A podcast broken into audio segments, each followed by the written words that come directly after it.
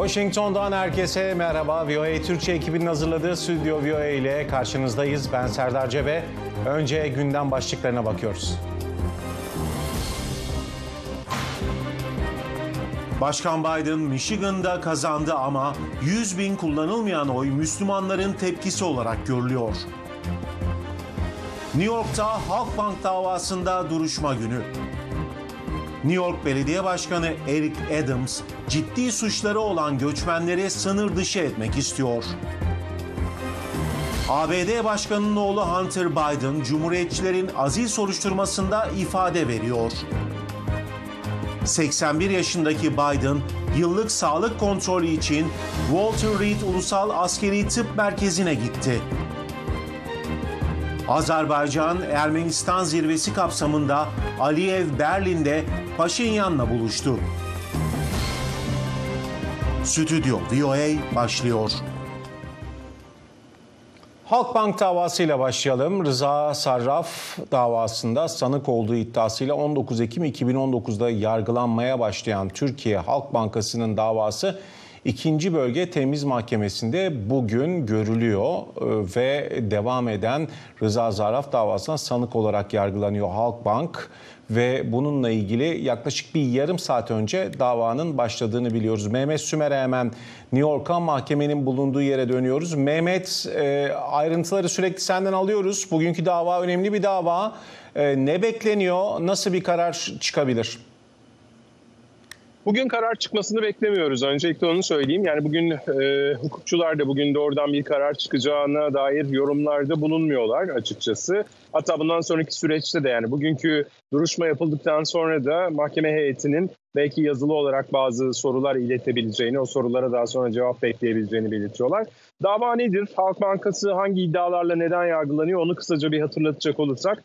Rıza Sarraf'ın İran yaptırımlarını delmek, kara para aklamak, dolandırıcılık yapmak gibi suçlar işlerken bu süreçte Halkbank'ı aracı kurum olarak kullandığı e, ortaya çıkmıştı. Buna ilişkin olarak Halkbank yargılanıyor. Hatırlanacak olursa Halkbank'ın eski genel müdür yardımcısı Mehmet Hakan Atilla da ceza almış ve Amerika'da belli bir süre hapiste yatmıştı. Rıza Sarraf aslında İran'a karşı yaptırımları delmek, Birleşmiş Milletler yaptırımlarını delmek, Amerikan yaptırımlarını delmek, kara para aklamak gibi suçlar işlemişti. Ama daha sonra Amerikan hükümetiyle işbirliği yaptığı için aynı davada yani bu davada sanık sandalyesinden kalkıp tanık sandalyesine e, oturmuştu. Şimdi burada Halk Bankası ile ilgili Halk Bankası'nın avukatları kendilerinin yani Halk Bankası'nın Türkiye'de bir devlet kurumu olduğunu, dolayısıyla Amerika'da bir mahkemede yargılanamayacağını, dokunulmazlığının olduğunu savunuyorlar.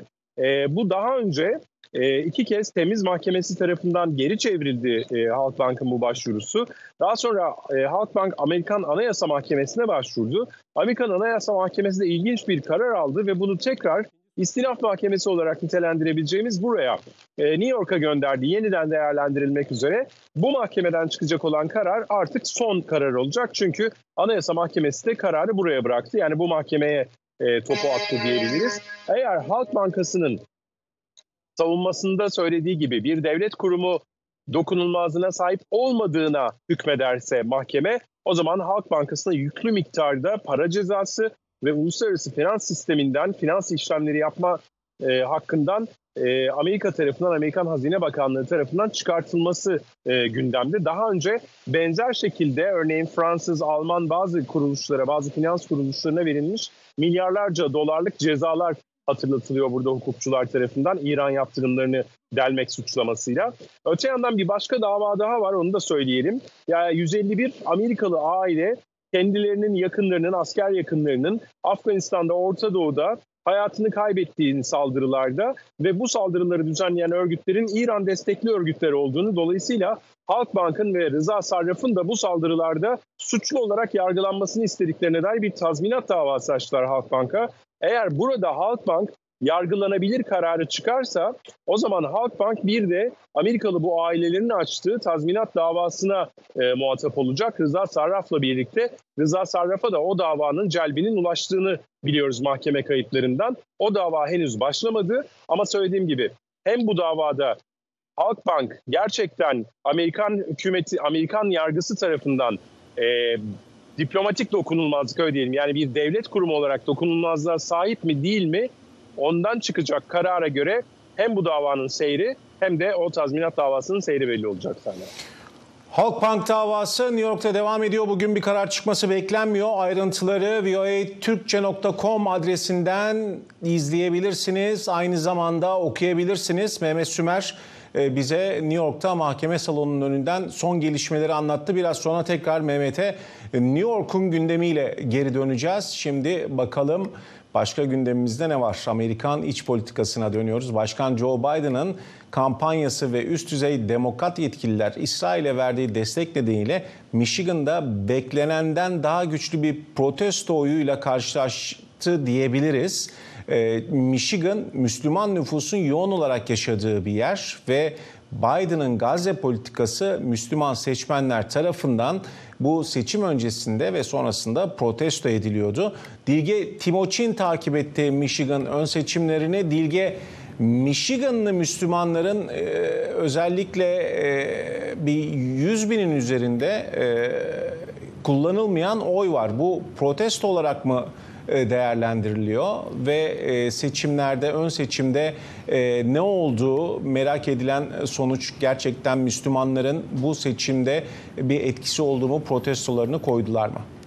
Şimdi az, az sonra rakamları vereceğim Serdar. Sen de dediğin 100 bin çekimser sayılabilecek Biden'a verilmeyen, Biden'a oy verilmeme kararlılığını ortaya koyan oy var ama bu rakamlar oranlar düşük görünse de e, ön seçimler açısından Michigan ve ön seçimler açısından çok şey ifade ediyor olabilir. Sen de söyledin özellikle Biden yönetiminin e, İsrail'in Gazze'deki savaşına koşulsuz verdiği şart ilerici demokratlar ve e, Arap Amerika, e, Arap asıllı Amerikalılar arasında Müslümanlar arasında Müslüman seçmenler arasında tepkiye neden oluyordu. Öfke vardı, tepki vardı, protestolar vardı ve ülke genelinde bu Michigan'da vücut bulduğu denilebilir bu e, demokratların ön seçimlerinde. Şimdi eyalette 310 bin civarında Arap, Müslüman ve Filistinli yaşıyor ve e, yapılan araştırmalara göre 200 bine yakınında seçmen olduğu, kayıtlı seçmen olduğu da tahmin ediliyor ve aktivistler bir çağrı yapmıştı. Biden'a işte bu çekimsel dediğimiz Biden'a oy vermeme amaçlı o e, şekilde oy kullanmaları istenmişti aktivistler ve işte bu da e, karşılık bulmuş gibi toplamda yaklaşık 900, 900 bin seçmen var. %81 Biden'ı destekledi bu demokratların ama e, demokratların %13'ünden fazlası da işte bu az önce dediğim çekimser oyu kullandı. Yaklaşık %85'i sayılmıştı en son baktığımızda ve senin de başa söylediğin 101 binin üzerine çıktı bu Biden'a verilmeyen oylar ki şunu hatırlatalım Michigan'da 2012'de e, demokrat ön seçimlerinde yaklaşık 20 bin kişi çekimsel oy kullanmış. Yani çok büyük bir artış. Ayrıca Trump da 2016'da Hillary Clinton'a karşı sadece 10 bin oy farkla e, Kasım ayındaki seçimlerde Michigan eyaletini kazanmıştı. Bu anlamda tabii önemli rakamlar bunlar. Hatta 4 yıl sonra da e, Biden'a karşı 154 bin oyla kaybetmişti. %3'ten az bir farktı bu. Dün de bahsetmiştik. %2,8 civarındaydı.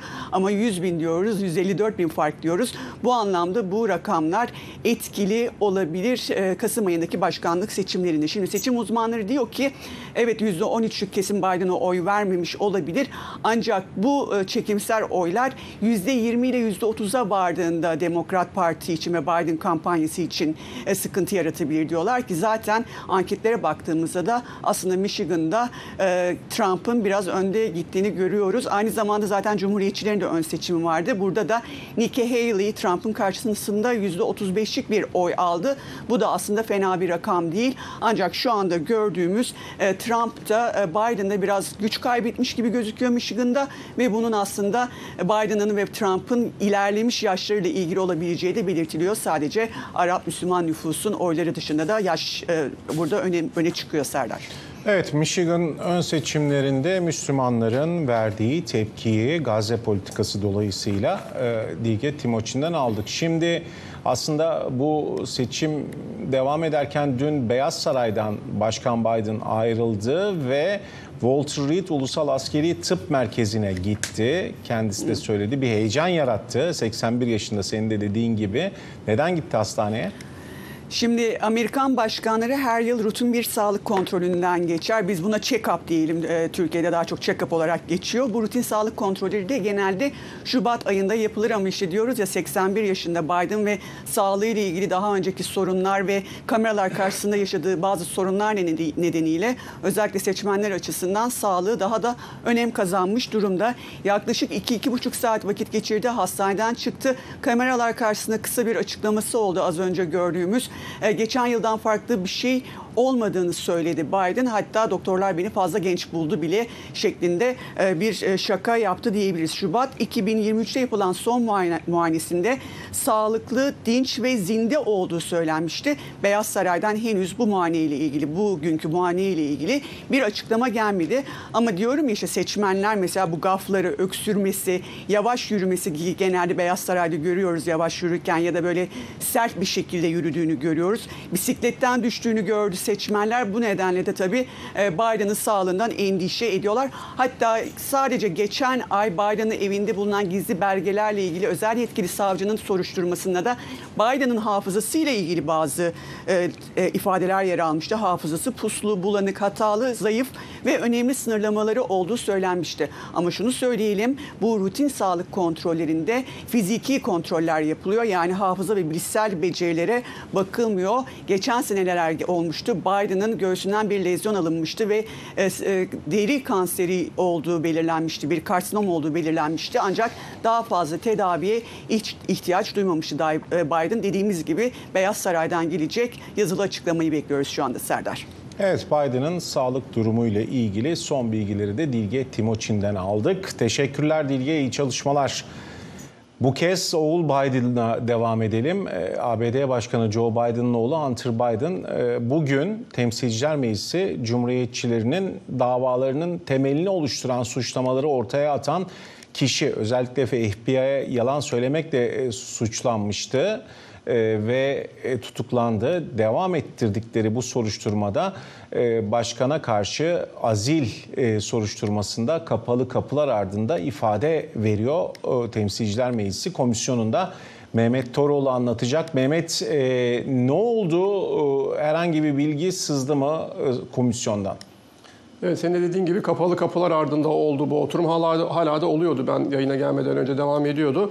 Ee, Cumhuriyetçilerin tabii Başkan Biden'la ilgili başlattığı vazil soruşturmasının zamanlaması açısından geleceği açısından kritik bir zamanda olduğunu belirtelim.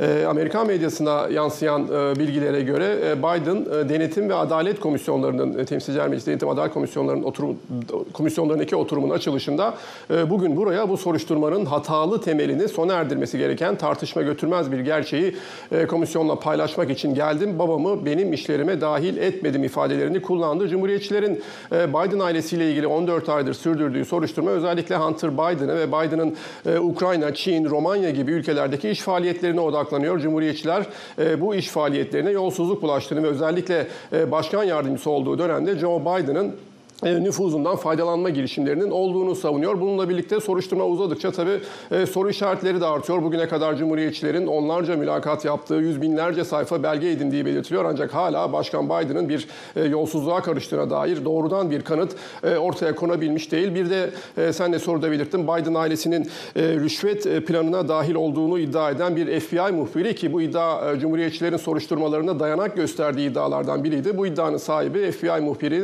yalan söylediği edildiği suçlamasıyla federal savcıların e, kovuşturması altında. Soruşturmada e, Cumhuriyetçilerin e, Hunter Biden'dan ne kadar bilgi alabilecekleri de net değil. Zira susma anayasanın kendisine tanıdığı susma hakkını kullanıp sorulara yanıt da vermeyebilir. E, oturuma verilen arada hem demokratlar hem cumhuriyetçiler konuştu. Demokratlar e, tüm bu soruşturmayı hem kongredeki yasama işleri hem de işte halkın kaynaklarını kullanmak açısından muazzam bir vakit kaybı olarak nitelendirdi. Cumhuriyetçiler de e, Hunter Biden'ı dürüst olmamakla suçladı. E, Hunter Biden son günlerde cumhuriyetçiler tarafından ifadesi alınan e, Biden ailesinin ikinci üyesi oldu. Geçen haftada e, hatırlarsak cumhuriyetçiler Başkan Biden'ın kardeşi James Biden'ı ifadeye çağırmış ve kendisiyle 8 saat süren bir mülakat yapmıştı. James Biden da Başkan Biden'ın e, iş girişimlerine hem mali hem başka boyutta herhangi bir dahiliyetinin asla olmadığını vurgulamıştı.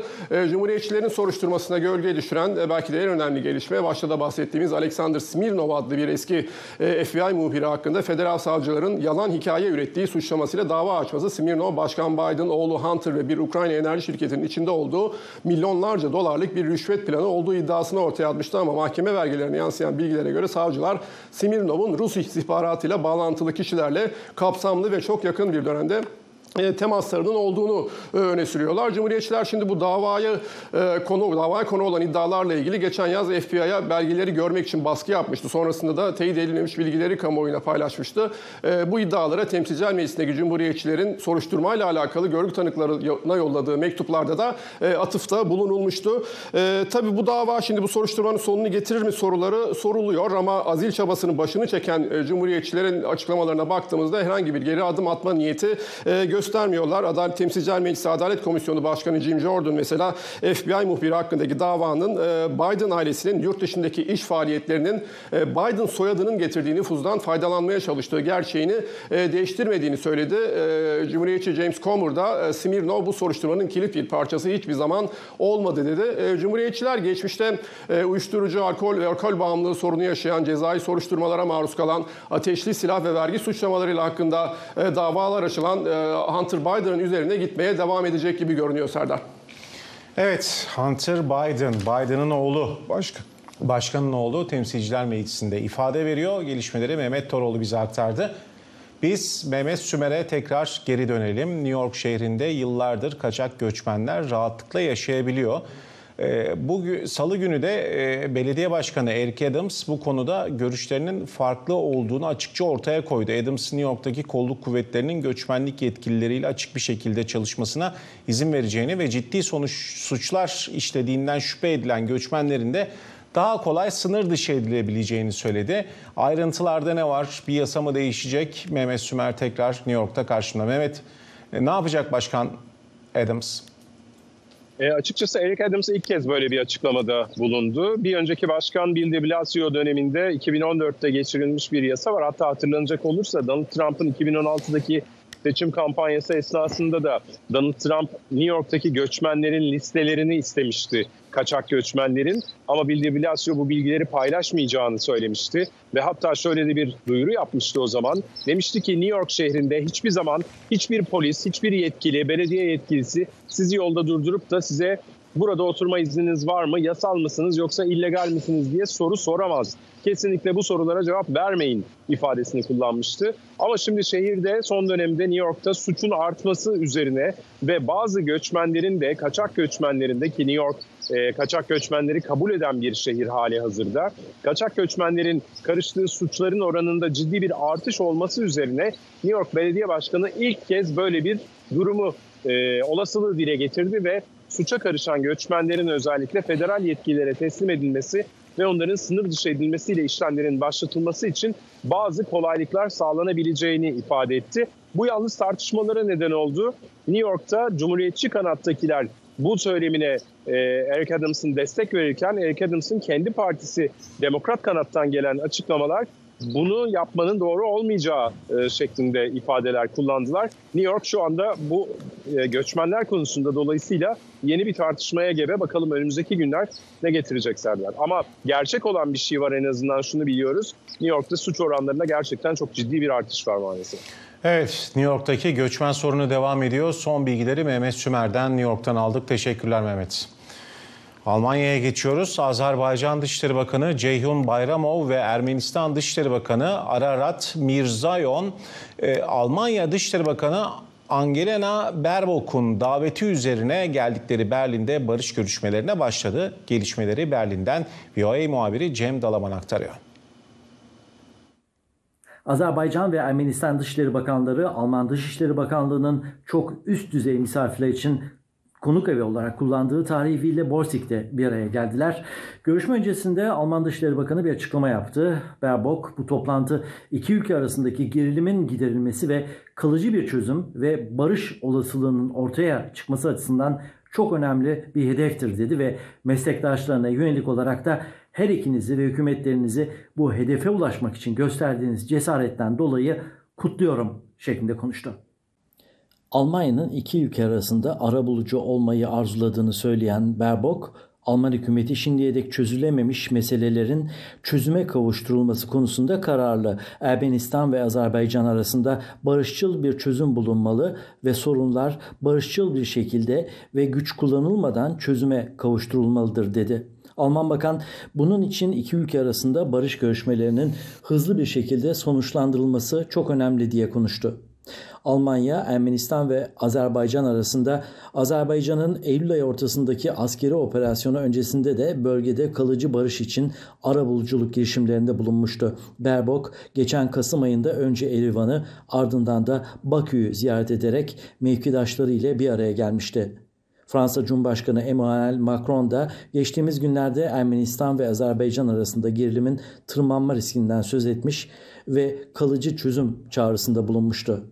Son olarak Ermenistan e, Başbakanı Peşinyan ve Azerbaycan Cumhurbaşkanı Aliyev iki hafta önce Münih'te düzenlenen 60. Münih Güvenlik Zirvesi'nde Almanya Başbakanı Olaf Scholz'un ev sahipliğinde bir araya gelmişti. Zirvede Bayramov ile e, Mirzoyan'ın Berlin'de bugünkü toplantı için bir araya gelmeleri kararlaştırılmıştı. Peşinyan ve Aliyev daha önce yaptıkları açıklamalarda geçen yıl 2023 yılı sonuna kadar bir barış anlaşması imzalanmasını e, daha doğrusu bu konudaki beklentilerini dile getirdiler. Ancak uluslararası arabuluculuk altındaki görüşmelerde şu ana kadar bir ilerleme kaydedilmedi. İki ülke arasında kapsamlı bir barış anlaşması amacıyla Avrupa Birliği'nin girişimleri oldu. Amerika'nın, Rusya'nın girişimleri oldu. Ancak müzakerelerde bugüne dek, bugüne dek e, bir sonuç alınamadı. Geçen Aralık ayında Güney Af e, Kafkasya'daki iki komşu ülke bir barış anlaşması yapmak istediklerini belirten ortak bir açıklama yayınlamıştı. İşte Berlin'deki görüşmeler e, devam ediyor. Yarın da devam edecek. Alman Bakan Baerbock'un sözleriyle bu görüşmeler iki ülke arasındaki barış süreci için kuşkusuz yeni bir şans. Rusya'nın geniş çaplı işgalini başlattığı 2022 yılında Ukrayna ekonomisi %29 küçüldü. Buna ek olarak Ukrayna'daki işletmeler zarar gördü, ihracat durdu ve milyonlarca insan yerinden oldu. Ancak Ukraynalı yetkililer 2023 yılında ekonominin %5 oranında büyüdüğünü söylüyor. Rusya'nın işgalinin başladığı 2022 yılında Ukrayna ekonomisi %29 oranında küçüldü. Ekonomistler 2023'te düşüşün sürmesini bekliyordu. Ancak sürpriz bir şekilde gerçek rakamlar beklenenden daha iyi geldi. 2023 yılı sonunda ekonomimizin %5 oranında büyüdüğünü görüyoruz. Devlet 2022 yılına kıyasla 4,4 milyar dolar daha fazla vergi toplamayı başardı. İşte bu yüzden Ukrayna'nın dayanıklılığı, Ukraynalı işletmelerin ve Ukrayna halkının dayanıklılığıdır. Berejna savaşın Ukrayna ekonomisini yeniden yapılandırmaya ve derin değişiklikler yapmaya zorladığını söylüyor. Artık Avrupa'nın ham madde merkezi olmak istemiyoruz. Ülkemiz içinde üretim yapmamız gerekiyor. Yeni iş yerleri oluşturmanın, vergi kaynakları bulmanın ve ülke içinde değer katmanın en iyi yolu budur. Esper Bionics savaş ekonomisinin taleplerini karşılayan şirketler arasında yer alıyor. Yaralı muhariplerin rehabilitasyonuna yardımcı olabilecek yüksek teknolojili protez eller üretmek için Ukrayna inovasyonu ve mühendisliğinden yararlanıyor. Baş teknoloji sorumlusu Kirilo Peravachikov şirketin genişlemesini denetliyor. Sanırım geçen yıl en az iki kat büyüdük. Şimdi montaj hattı her zamankinden daha büyük. Montaj ekiplerini iki kat arttırdık. Böylece talebi karşılamaya çalıştık ve talep çok yüksek.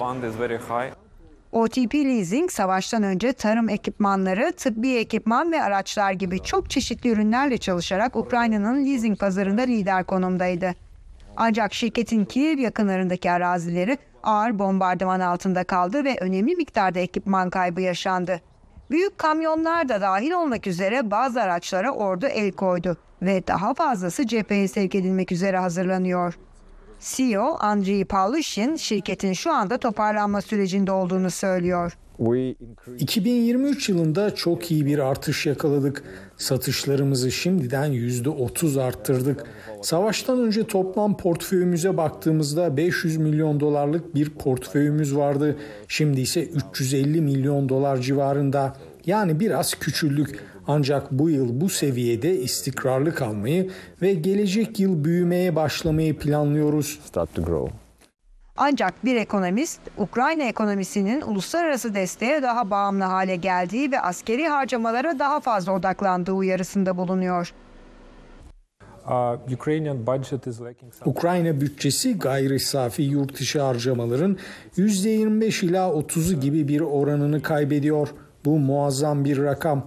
Amerika ve Avrupa'dan ne kadar çok para alırsak askeri açıdan o kadar dirençli olacağımızı ve ekonominin askeri sektörüne yönlendirmek için elde edebileceğimiz kadar çok paraya ihtiyacımız olduğu gerçeğini tamamen kabul etmiş durumdayız.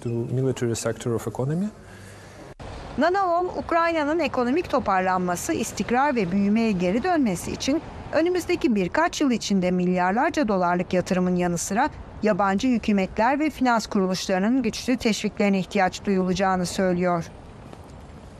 Kışın ortasında orman yangınları Teksas'tan Salt Lake City, Utah'a kadar olan bölgede devam eden orman yangınları Amerikalıları ve doğal yaşamı tehdit ediyor. Teksas tarihinin ikinci en büyük yangını hala kontrol altına alınamadı. Havadan çekilen yangın görüntülerinde Texas Panhandle'da şiddetlenen orman yangınları görülüyor. İtfaiyeciler bir yandan yayılan alevleri kontrol altına almak için mücadele ederken halkı tahliyeye zorladı ve elektrik kesintileri yaşandı. Kış mevsiminde havaların aşırı sıcak ve kuru olması nedeniyle 250 bin dönümden fazla alan yangınların etkisi altında. Bölgeden yükselen yoğun duman yangının büyüklüğünü gösteriyor. Bölgede yangınlar ve aşırı dumandan dolayı tahliyeler yapılıyor. Teksas'ın kuzeyindeki çok sayıda orman yangını arasında en büyüğü olan Smokehouse Creek yangını pazartesi günü öğleden sonra iyice şiddetlendi. Yayılan yangın ve kontrolden çıkan alevler nedeniyle yollar kapatıldı ve yerel yetkililer bölge sakinlerinden evlerini terk etmelerini istedi. Oklahoma sınırına yakın kısımlarda dahil olmak üzere birçok yerleşim birimi için tahliye emri verildi. Salı akşamı itibariyle Smokehouse Creek yangını Teksas tarihinin ikinci büyük orman yangını olarak tarihe geçti. Yangın geçen yıl eyaletteki tüm yangınların kül ettiği toplam alanı geride bıraktı. voatürkçe.com internet adresimiz sosyal medya hesaplarından da bizi takip edip son gelişmelerden haberdar olabilirsiniz. Herkese iyi akşamlar. Yarın akşam Ekotürk'te görüşmek üzere.